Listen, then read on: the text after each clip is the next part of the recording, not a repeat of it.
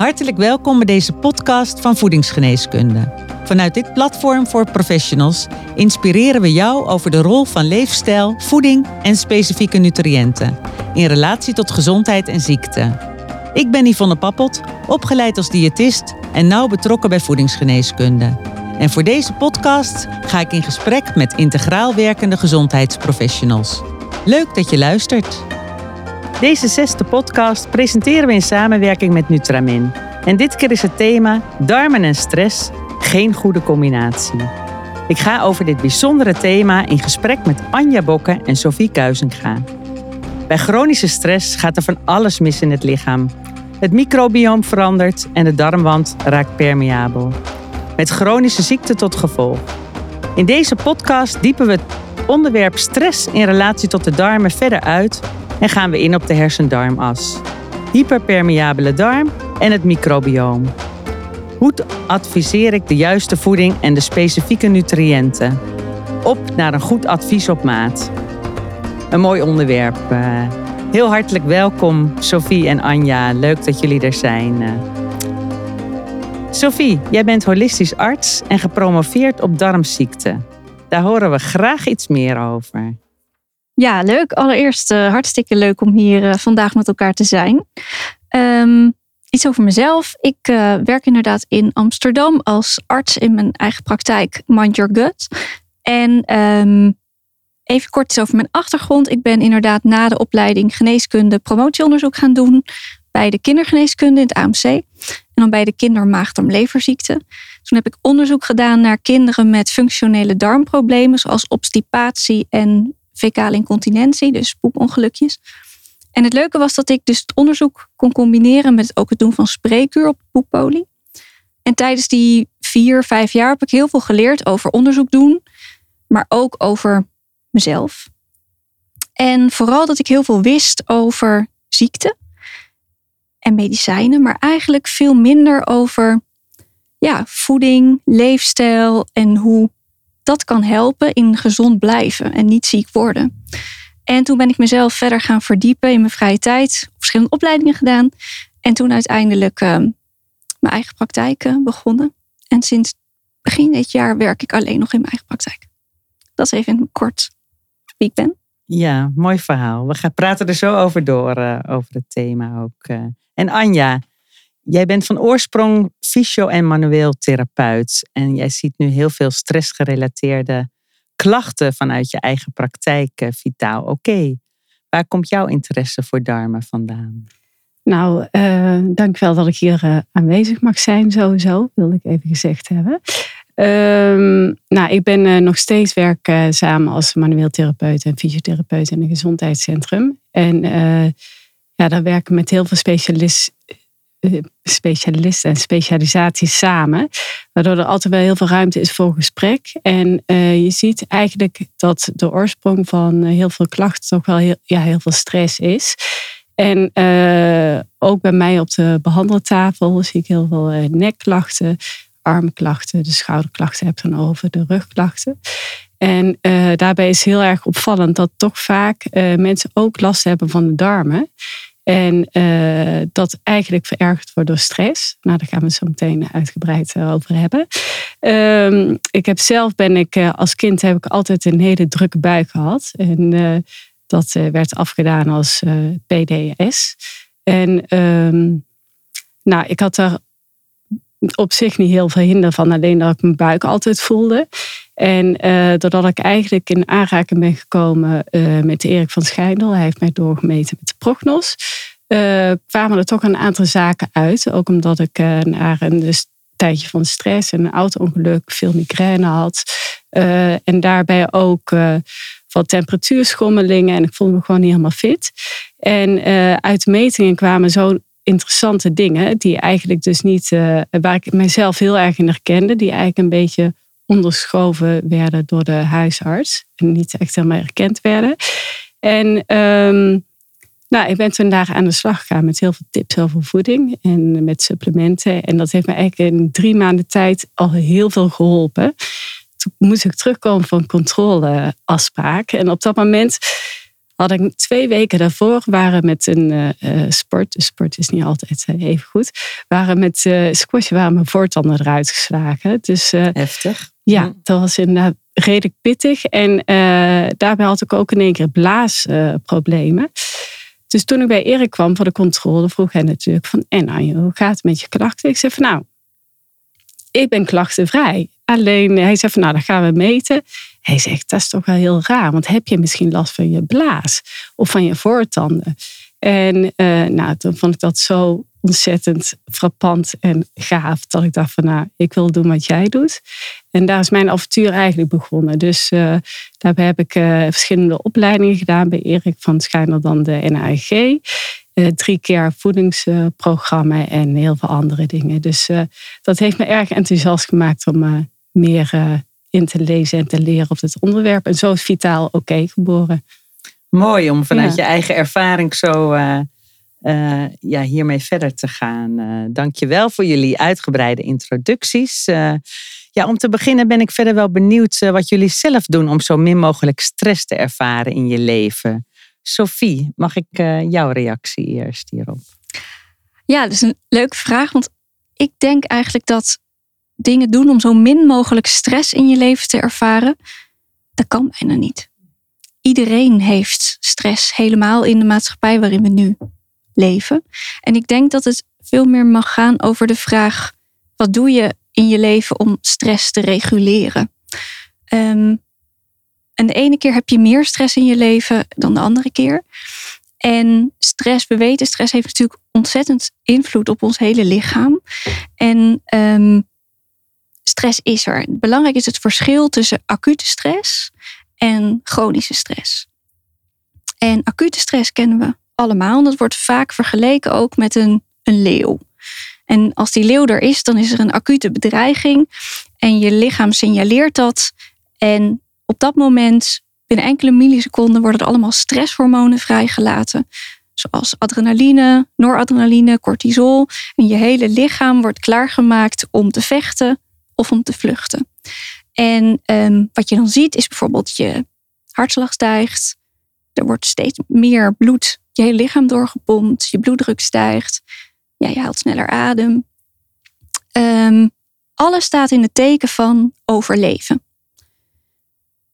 Als die leeuw dan weg is, er niet meer is, dan komt je systeem tot rust.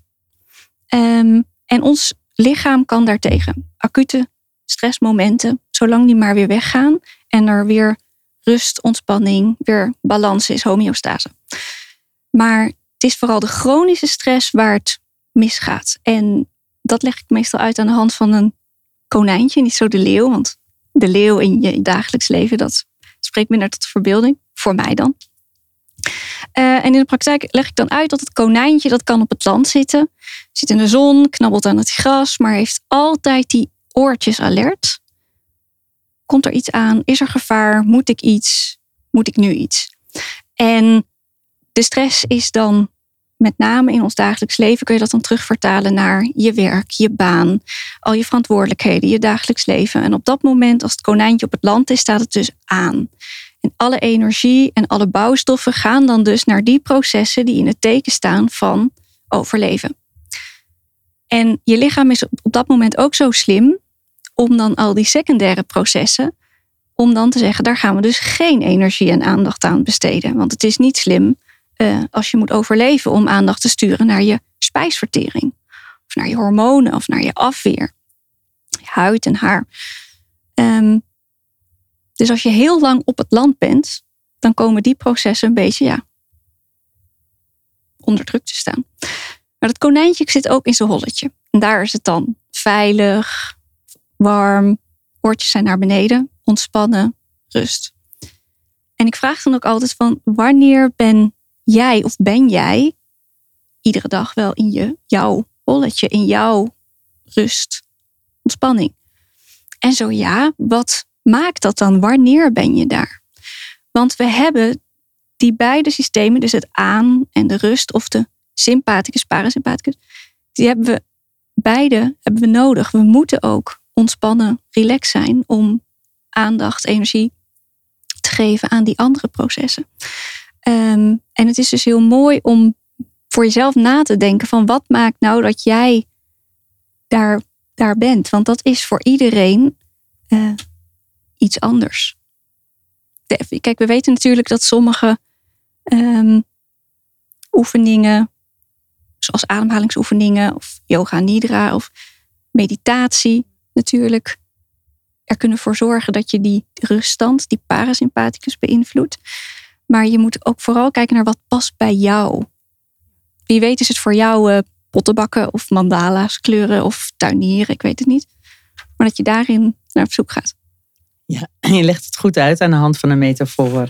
Ja, heb jij er nog op aan te vullen? Heel erg duidelijk. Nou, uh, ik kan me heel erg uh, goed inleven in jouw verhaal. En heel herkenbaar ook wat ik vaak adviseer. En ook over de stressoren, dat die altijd maar aanwezig zijn. En er wordt altijd snel gezegd van, eh, nou niet zo stressen, doe rustig aan.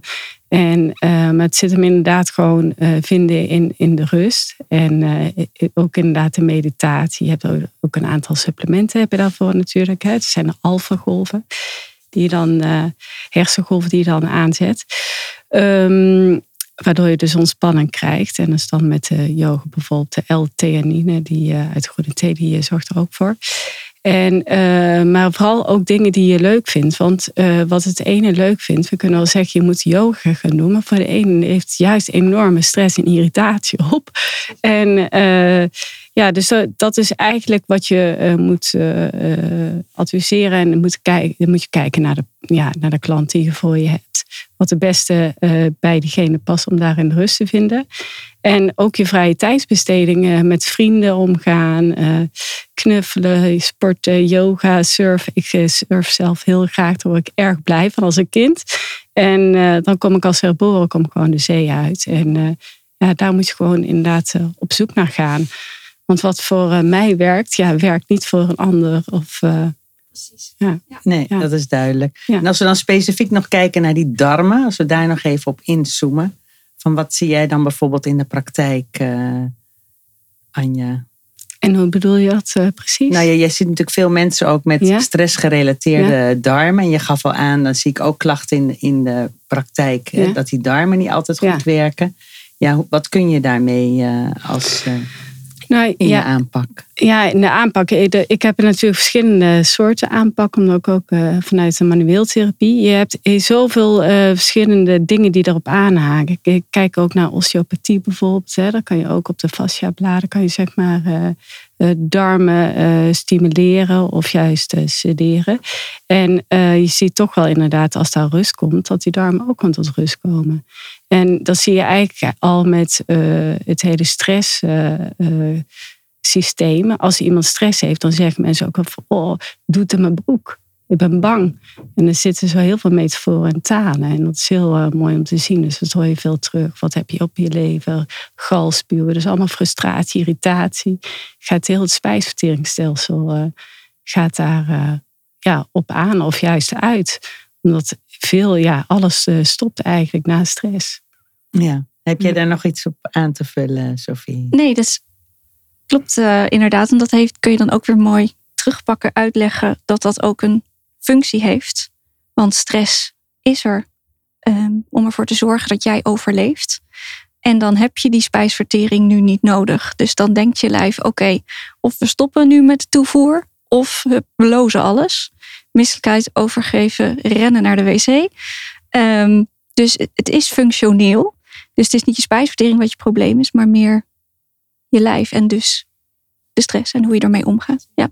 Ja, Precies. Mooi. En daar als gezondheidsprofessional je cliënten in begeleiden, patiënten in begeleiden. Dat is natuurlijk een belangrijke uitdaging mhm. om dat ook te herkennen. Ja, en er wordt ook vaak gesproken over een lekkende darm, hè? ook als gevolg van stress. Uh, maar de lekkende darm vraagt om nuancering. Uh, Sophia geeft ook aan dat je die term liever niet gebruikt. We hadden het ook al over een hyperpermeabele darm uh, eerder in dit gesprek. Kun jij ja. hier nog iets meer over uitleggen naar ja. de gezondheidsprofessionals als luisteraar? Jazeker. Um, de term lekke darm, ja, dat bezorgt me altijd een beetje kriebels. Want ik, ja, acute stress.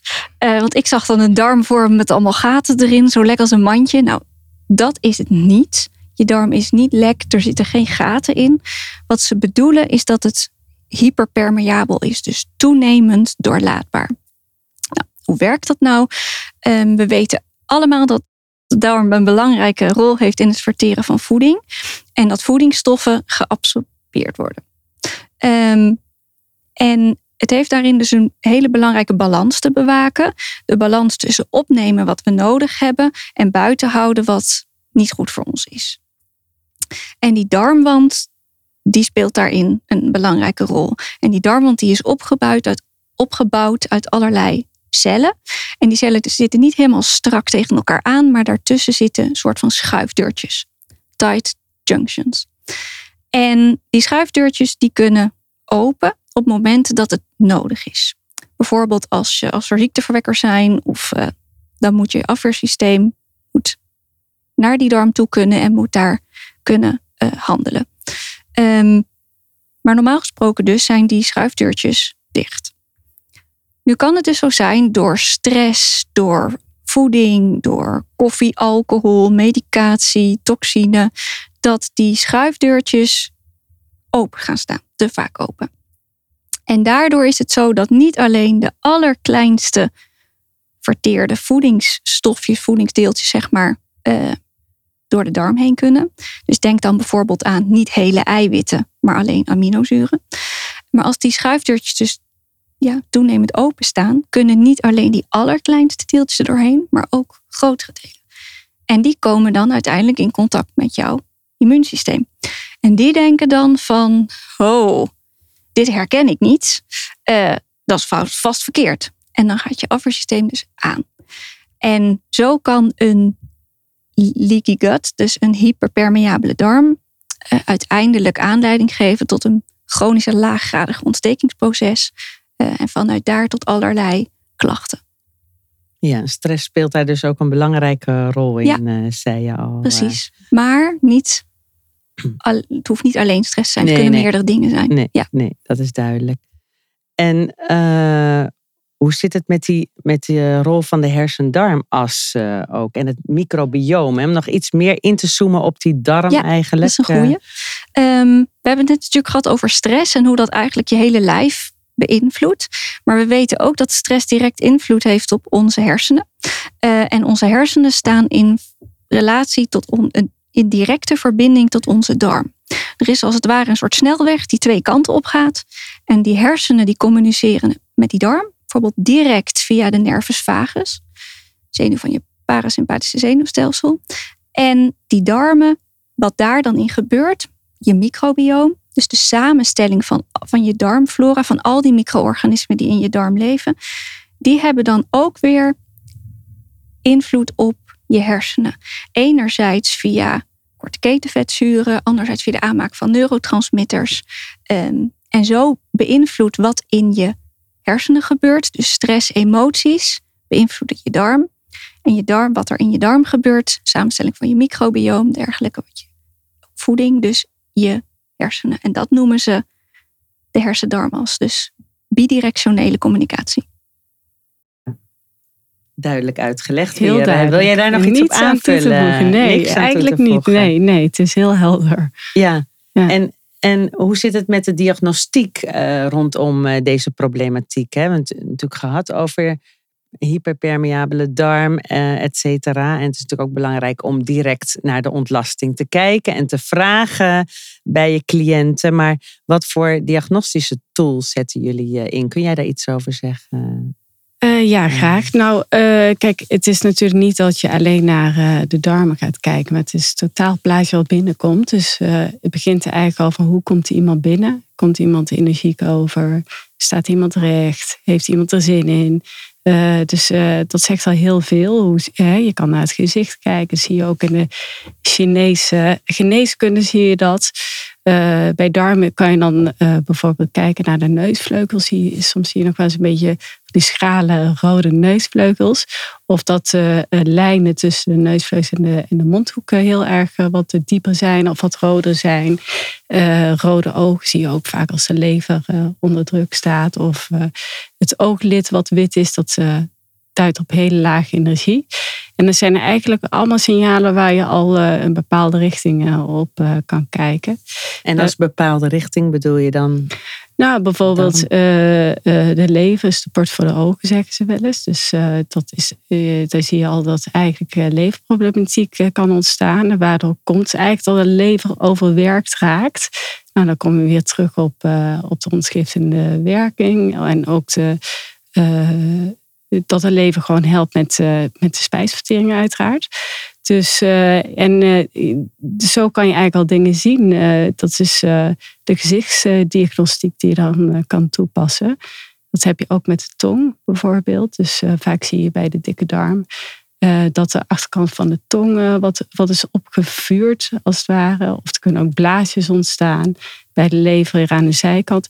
Dus dat zijn eigenlijk allemaal dingen die je op weg kan helpen naar een diagnose. Daar zouden we apart nog een eh, podcast over kunnen organiseren. Zeker, zeker maar het is leuk dat je wat uh, concrete punten noemt. Ja, nou, en uh, ja, verder maak ik zelf dan uh, uiteraard een uitgebreide anamnese. Daarbij vraag ik inderdaad ook naar de ontlasting. Hoe ziet die eruit? Wat is de regelmaat? Wat is de consistentie? heb je opgeblazen buikgevoelens? Uh, aan de hand van de anamnese ga ik ook samen met een uh, vragenlijsten die mensen hebben ingevuld vooraf ze bij mij komen. Neem ik ze samen door, ook om te kijken van ja, waardoor, hè? waardoor krijgen mensen last? Wat is nou de oorzaak bijvoorbeeld in die darmen? Is dat toch misschien ook wel een parasiet die loopt te irriteren daar, omdat het toch wel ja, normaal gesproken is je microbiome kan daar ook mee helpen om die op te ruimen. Um, en eh, ja, met de prognos dus mensen uit. Ik doe verder zelf uh, niet zoveel met ontlastingsonderzoek. Daar of dat doe ik zelf niet. Daar uh, verwijs ik mensen op door. Ik denk dat jij daar veel meer over kan vertellen. En dus zo ga ik eigenlijk door mijn onderzoek heen. En dan komen daar toch behandelbare grootheden uit. En ja, vaak is dan echt wel het beginpunt de darmen en eigenlijk ook wel de lever. Ja, Dankjewel, maar het hangt allemaal met elkaar samen. Absoluut, dat is, uh, ja. Goed om naar het geheel te kijken, dat is uh, helemaal duidelijk. Sophie? Ja, dat zeg je inderdaad heel mooi. Je begint inderdaad gewoon bij de anamnese, bij het vraaggesprek. Wat speelt er? Met welke klachten komen de mensen? Wat staat voor hen op de voorgrond? Waar vinden, waaronder vinden zij ook de meeste hinder van? Um, en ik neem voor dat vraaggesprek dan ook echt de eerste keer echt een een uur. En ze vullen van tevoren ook een vragenlijst bij mij in, waarbij je en kijkt naar voeding. Oh ja, de voedingsdagboek. en naar slaap, en naar het ontlastingspatroon, en naar stress, en hoe hun leven eruit ziet, en hoe ze hun dag indelen. Um, en op basis van dat gesprek krijg je dan al ideeën van, oh, dit, dit is er aan de hand, deze klachten zijn er, en hoe houden die verband met elkaar? Je gaat op zoek naar, je gaat een differentiaaldiagnose maken, een werkdiagnose. En op basis daarvan ga je dan uh, onderzoeken inzetten om de hypothese die je hebt te ondersteunen. Je gaat dus niet je labformulier pakken en denken, hup, we kruisen alles aan. Um, maar je gaat dus gericht onderzoek doen. En dat kan dus heel erg variëren wat ik inzet uh, op basis van de klachten die er zijn. En ook wat de wens van de patiënt of cliënt is. Want vaak hebben ze daar zelf ook wel ideeën over. En dat kan dus uh, variëren van voedingsdagboeken tot ontlastingsdagboeken, um, bloedonderzoek, maar ook uh, hormoontesten, uh, maar ook ontlastingsonderzoek waar jij het net over had. Ja.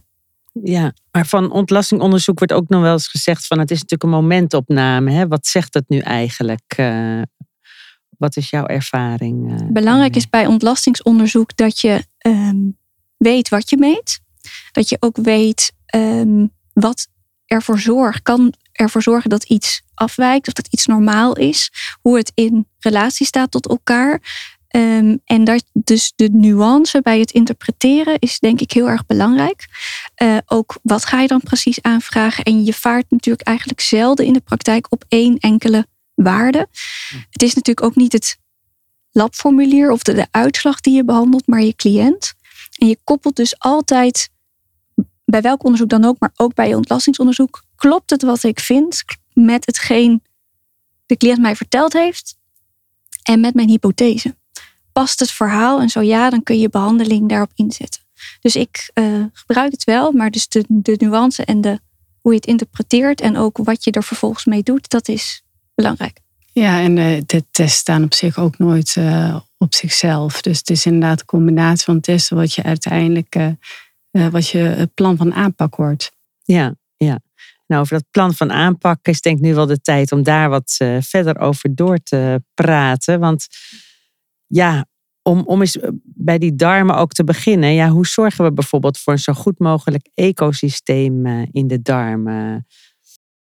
Nou, ik denk dat het al begint uh, eigenlijk met uh, naar eten kijken. En uh, je begint altijd te watertanden als je lekkere dingen ziet. Dus dan begint je spijsverteringsstelsel al te werken. Dus dat staat allemaal aan. ik denk dat het heel belangrijk is, de vertering begint in de, in de mond. En uh, wij zijn altijd, uh, zeker Nederlanders, we eten liefst in de auto of even tussendoor. We nemen daar totaal geen tijd voor. Je ziet ook vaak dat we dan heel veel momenten verspreiden. Want dan toch maar even een halve boterham en dan nog even de rest opeten.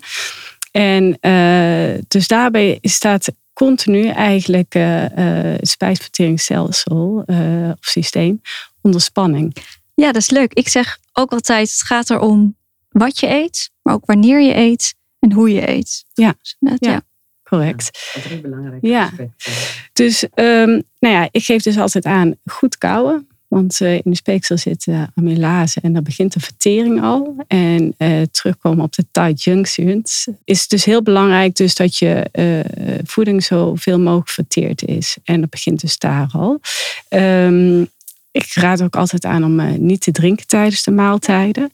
En uh, als mensen echt last hebben om. Uh, vaak weten mensen in, na een gesprek al wat ze toch wel ervaren wat lastige voeding is. Daarbij kan je dat stimuleren met bepaalde verteringsenzymen desnoods. Of uh, bijvoorbeeld met uh, appelazijn of uh, wat, wat, citroen. Wat wel leuk is, in, in de Oosterse landen zie je vaak de limoentjes overal op. En dat helpt de spijsvertering allemaal mee. dat is overigens dan niet vind ik een, een oplossing om elke avond aan appelazijn te, te zitten. Uh, nou, de reduceren van de eetmomenten vind ik uh, erg belangrijk. En, uh, want het geeft toch stress en de lever wordt dan eh, ook weer onnodig belast. intermittent fasting, je hebt allerlei dieetvormen heb je daarvoor. Maar wat heel erg belangrijk is, denk ik voor de darmen, is met name de suikers minderen. En toch ook echt de gluten en de lactose. Ja, nog heel even, want het zijn best heel veel adviezen zo op rij. Zeker. Het, het aantal eetmomenten uh, beperken, zeg jij. Ja. Aan hoeveel eetmomenten denken we? Want... Ja, ja dat zeg... is... Oh, sorry. Ja, nou, ik ben heel benieuwd. Vertel. Ja. Ik zeg altijd, uh, streef naar vier eetmomenten, drie, vier eetmomenten op een dag. En kijk voor jezelf ook hoe je die inplant. De een wil liever een extra eetmoment in de ochtend, de ander in de middag. De een ontbijt liever om 7 uur s ochtends, de ander om 10 uur s ochtends. Luister daar ook in naar je eigen lijf. Maar zorg wel dat je dus in die vier eetmomenten wel al je bouwstenen binnenkrijgt. Ja. Dus dat je niet hele kleine of alleen crackers gaat eten, maar nou, dat je dat, dus echt ja. de vetten, gezonde vetten, de eiwitten, eiwitten, en je, je, je vezels wel gewoon binnenkrijgt. Ja. Ja, dit is voor veel mensen natuurlijk al een enorme uitdaging. Hè? Want de tussendoortjes... Ja, uh... die uh, vliegen voorbij. Precies, ja. Maar ik denk, ik, wat ik in de praktijk zie, is als je dus um, aan de slag gaat met die vier eetmomenten. En als je dus dan, als je eet, volwaardig gaat eten. Door het toevoegen van die vetten en die eiwitten is je bloedsuikerspiegel stabieler. En je bent ook langer verzadigd. Dus ja. ik merk gewoon heel erg... Um, gaat, dat is een van de makkelijkste dingen eigenlijk om mee aan de slag te gaan. Um, en dat mensen heel snel merken dat dat dus effect heeft. En dat ze echt minder energiedips hebben, minder cravings hebben. En dus ook minder tussendoortjes gaan eten. Ja. Ja, en ik vind met name als je de suikers eruit laat, uh, of eruit laat, dan zie je inderdaad de vraag naar eten vanuit je lichaam uh, minderen. Ja. En, en wat dan ook inderdaad een mooie is, dus ja, suikers weglaten, hoe doe je dat dan? Nou, ik denk, begin bij de basis. Laat die processed, ultra-processed, dus pakjes, zakjes, laat dat zoveel mogelijk staan en ga terug naar gevarieerde voeding, maar ook ehm, ja, onbewerkte voeding. Ja. ja. En gluten noemde jij ook al even. Dat, dat vraagt natuurlijk ook om een persoonlijke aanpak. Hè? Ja, maar dat geldt eigenlijk uh, voor alles. Ook de eetmomenten. De ene is gebaat dus inderdaad om uh, binnen bepaald tijd met dat intermittent fasting aan de slag te gaan. Vier etenmomenten, drie etenmomenten. Dus het is maar precies hoe reageert iemands lichaam erop. Wat ik wel ook belangrijk vind is uh, het fruit. fruit, om dat zoveel mogelijk in het begin van de dag te doen. En, en, niet te laat, ook in verband met gisting in de avond. Dus geen fruit in de avond, zou ik dan zeggen. En wat je ook veel ziet, mensen zijn op de een of andere manier altijd maar bang voor vetten. En uh, dat is echt ontzettend belangrijk uh, ja, voor het aanmaken van onze hormonen. En dus, als we even teruggrijpen op eerder, ongeveer 60% van je hersenen bestaat uit vet. Dus juist, daarvoor heb je het ook nodig. Ja, ja. En, uh, dus dat is echt wel, ja, en de vezels die komen structureel tekort. Ja, en welke vetten moeten we aan denken? Kun je daar nog iets over zeggen? Ja, dat zijn eigenlijk de bekende van uit de voeding. Dus je kan gewoon eh, denken aan, eh, aan, aan de vette vis. Je kan denken aan uh, de avocado. Ja, de echte omega. Ja, ja drie en zes uiteraard. Ja. En dan ook weer in de juiste balans. Ja, en met name die, om die goede omega-3's binnen te krijgen, is dat precies, is dat is vooral een uitdaging voor veel voor veel mensen. En wat ik altijd een leuke tip vind in de praktijk is om uh, tegen mensen te zeggen van maak eens foto's. Iedereen heeft zijn telefoon bij de hand. Maak eens foto's uh, van alles wat je eet, een week lang. Sla ze op in een apart mapje. Dan kun je er ook makkelijk doorheen scrollen. En kijk eens van wat eet je nou op zo'n dag. En hoe gevarieerd. hè? Dat gevarieerd. mensen van. Um, maar ook hoeveel eetmomenten heb ik? Zijn er dingen die ik kan combineren? En je kopje koffie met havermelk of gewone melk, dat is ook een eetmoment. En ga eens kijken van wat kan ik nou veranderen. Of bijvoorbeeld smiddags heb ik altijd snacktrek. Nou, wat eet je dan voor de lunch? Wat heb je dan voor het ontbijt gegeten? Waar bestond dat uit? Was dat volwaardig genoeg? Ja, dat is een mooie variatie op uh, het voedingsdagboek, hè? om, uh, om een fotoboekje te gaan maken. Uh, iets, iets over vochtgebruik. want we hebben, er werd wel gezegd van we gaan niet drinken bij de maaltijd. Maar het is natuurlijk wel belangrijk om voldoende vocht binnen te krijgen. Ja, heel belangrijk. Dat is mijn uh, zwakte punten. Hoe zeg je dat? Daar ben ik niet zo goed in. Heel veel drinken. Is mijn aandachtspunt. Um, dus ik zie ook heel veel mensen in de praktijk die gewoon niet komen aan hun twee liter water. Ze zeggen: Ik heb geen dorst, ik denk er niet aan. Maar het is gewoon ontzettend belangrijk enerzijds natuurlijk ook voor je darm, maar ook gewoon voor je hele lijf en je, je detox. Dus om toch echt gewoon voldoende te drinken. En wat mij bijvoorbeeld helpt, is om de dag gewoon al te beginnen met twee grote glazen water. En ik hou niet van koud water, van koude dranken, dus ik doe het met, met warm water. En zo is het met iedereen weer zoeken naar wat werkt voor jou, zonder te grijpen naar limonade, frisdrank ja. of heel veel koffie. Ja, dus ik heb uh, ook begrepen van, uh, uh, we hebben vaak van die waterflesjes bij ons waar we de hele dag een, een slokje uitdrinken. Dat toch in de praktijk beter werkt om gewoon een glas water echt op te drinken.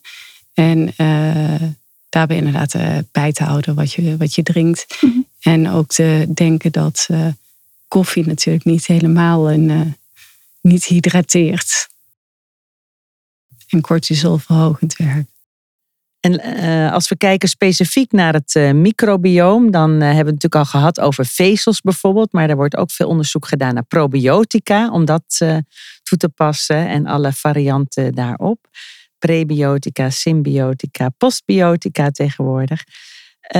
wat kunnen jullie daar vanuit zeggen, vanuit de wetenschap of de praktijk? Nou, ik vind het wel leuk om hierop te reageren. Uh, een goede probiotica die bestaat uit uh, verschillende stammen.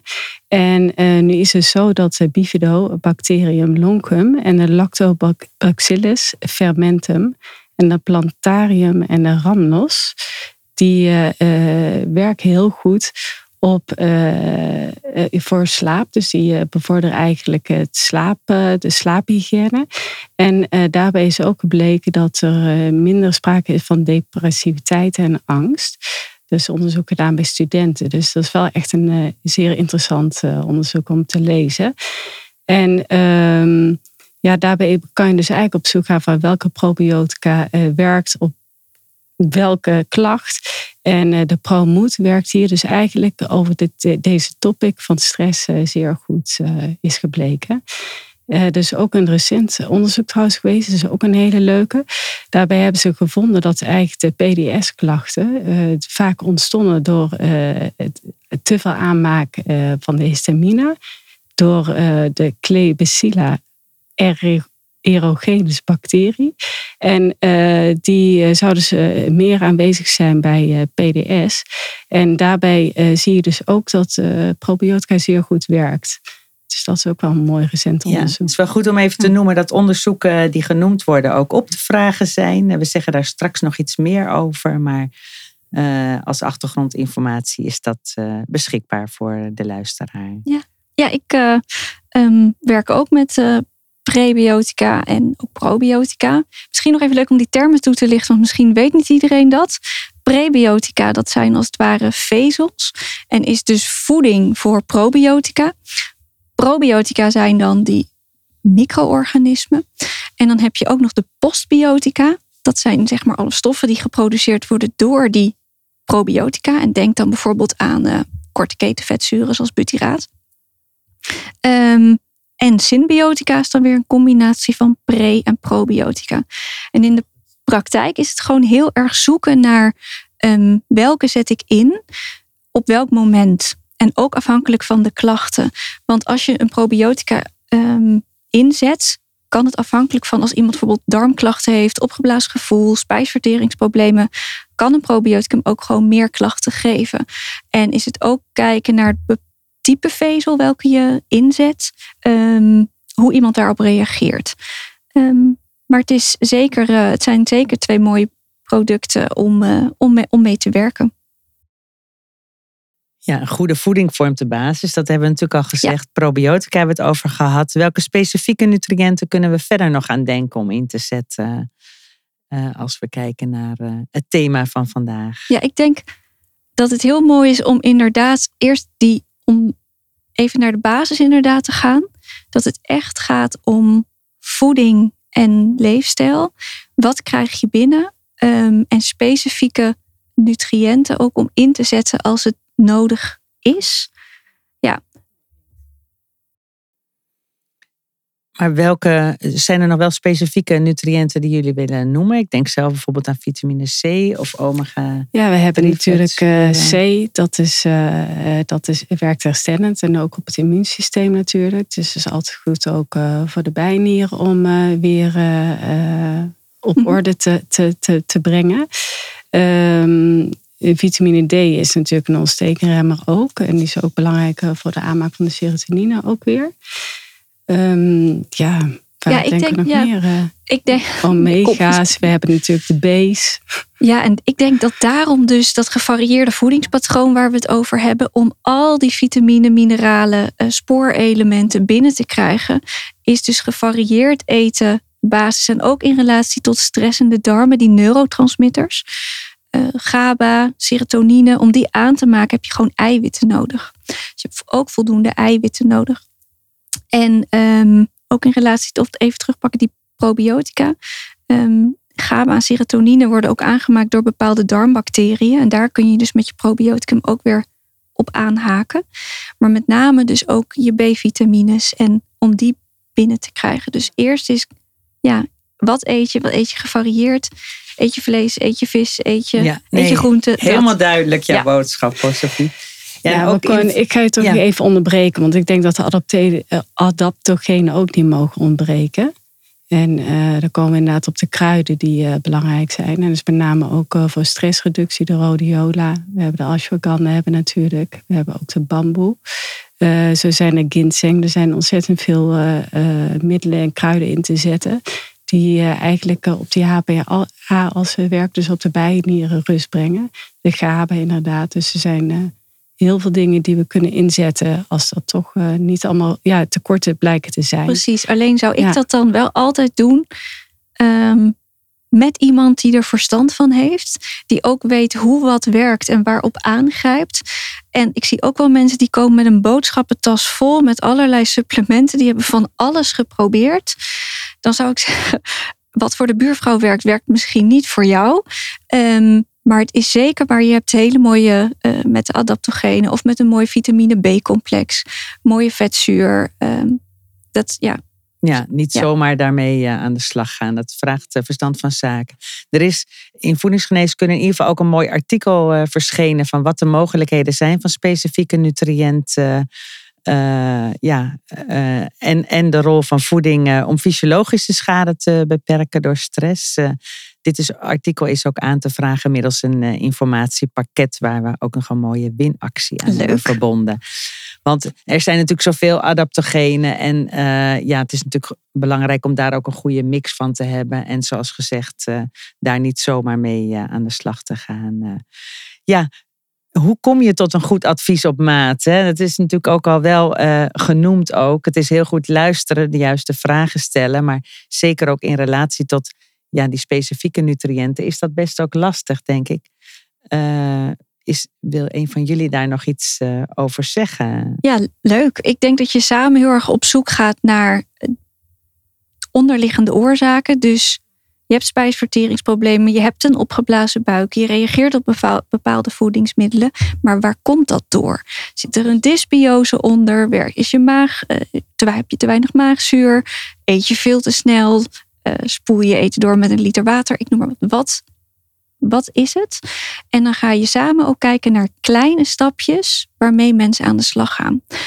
En ik denk dat die kleine stapjes dus heel erg belangrijk zijn om ervoor te zorgen dat het haalbaar is, dat mensen gemotiveerd blijven en dat ze dus over zes maanden terug kunnen kijken en zeggen: Oh, ik heb allemaal kleine stapjes gedaan, maar al die stapjes bij elkaar maken, dat ik best wel vooruit ben gegaan. Uh, en daarin vraag ik ook altijd van wat staat nou, waar heb je het meeste hinder van of wat, ja, waar heb je het meest last van? Daar dan ook als eerste mee aan de slag te gaan. Ja, duidelijk. Anja, heb jij daar nog iets op aan te vullen? Nee, ik denk het eigenlijk uh, niet. Nee. Het is een duidelijk, uh, duidelijk verhaal, Sophie. Uh, nou, we, we maar ik, ik nog heel even terug. Ik ben inderdaad wel eens. Hè. Het, is, uh, het begint gewoon bij het, le het levensstijl. Hè, van hoe, hoe, hoe gaat iemand om uh, met zijn eigen leven. Vervolgens ga je dus inderdaad kijken van hoe, waar kan je, wat kan je veranderen aan, aan, de, aan het voedingspatroon. Mm -hmm. ja. En daarna kijk van waardoor gaat het eigenlijk mis en waar komen de klachten vandaan. En dat is bij iedereen gewoon zo divers. Ja, ja en Gelukkig. ik vind het ook wel een belangrijke. Want dat we, als we het over voeding hebben, dat we vooral ook kijken naar wat er, wat er mogelijk is, wat je allemaal kan eten. Dat je dus niet heel restrictief naar eten gaat kijken en allerlei dingen gaat uitsluiten. Uh, hoewel het soms zinvol kan zijn om tijdelijk op bepaalde dingen niet of minder te eten. Om vooral ook te kijken wat kan er wel, zodat je op een gezonde manier ook met eten bezig blijft. Ja, ter afsluiting een hele mooie, ja. mooi advies. Eh, hebben jullie tot slot nog een praktische tip ook uh, als we het kijken naar stress en, en de darmen? Dat mag ook even wat, wat, wat breder zijn dan voeding alleen. Ik denk dat we nou, ik denk stress misschien ook wel een beetje omarmen en mhm. accepteren. En uh, gewoon echt op zoek gaan naar, uh, uh, naar rustmomenten. Ik denk dat dat, dat het belangrijkste is. Ja, nee. En goed doorademen, dat is voor alles heel erg goed. op de juiste manier. Het is ook een beetje waar we mee begonnen. Hè? Van, stress en ik denk heel er. precies, het is er. Um, soms zeg je ook, ja, shit happens. Juist. Ja, ja. En hoe ga, je ermee, hoe ga je ermee om? Wat doe je ermee? Ja. Ja, mooi. Ja.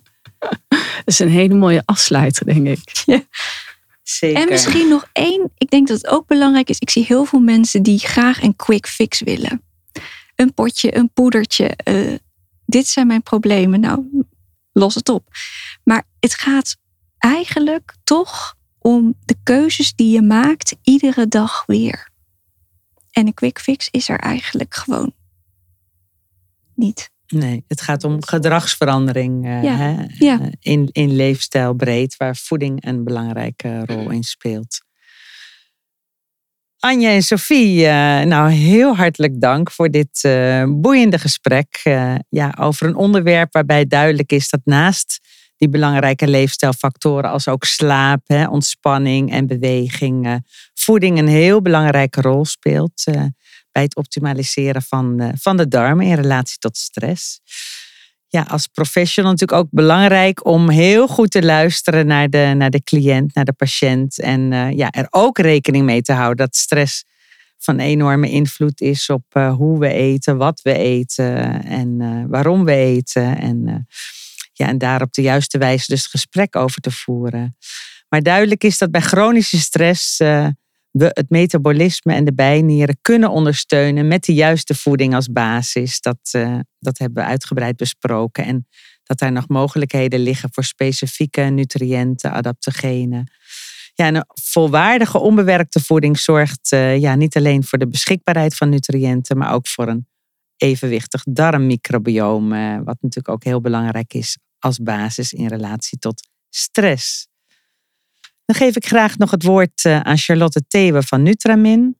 Ook namens eh, Nutramin eh, dank aan de sprekers, Sophie en Anja.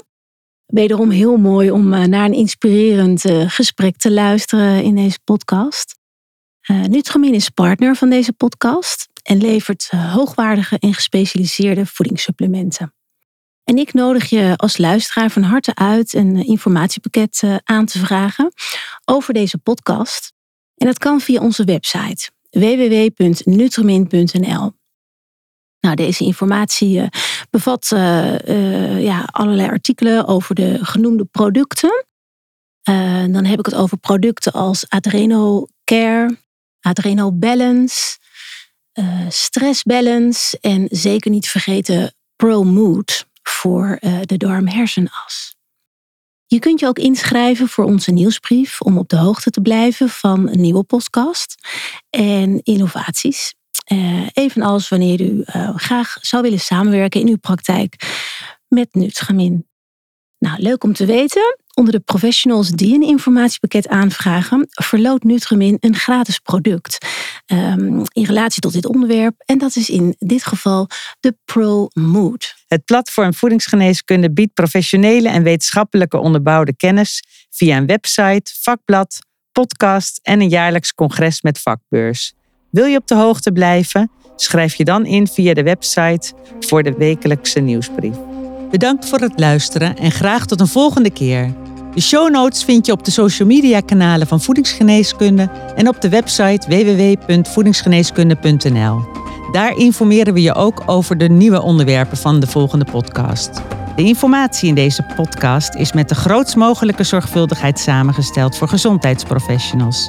De uitgever aanvaardt geen aansprakelijkheid voor eventuele schade ten gevolge van het gebruik van de informatie in deze podcast. De geboden informatie kan niet worden beschouwd als vervanging van een consult of een behandeling.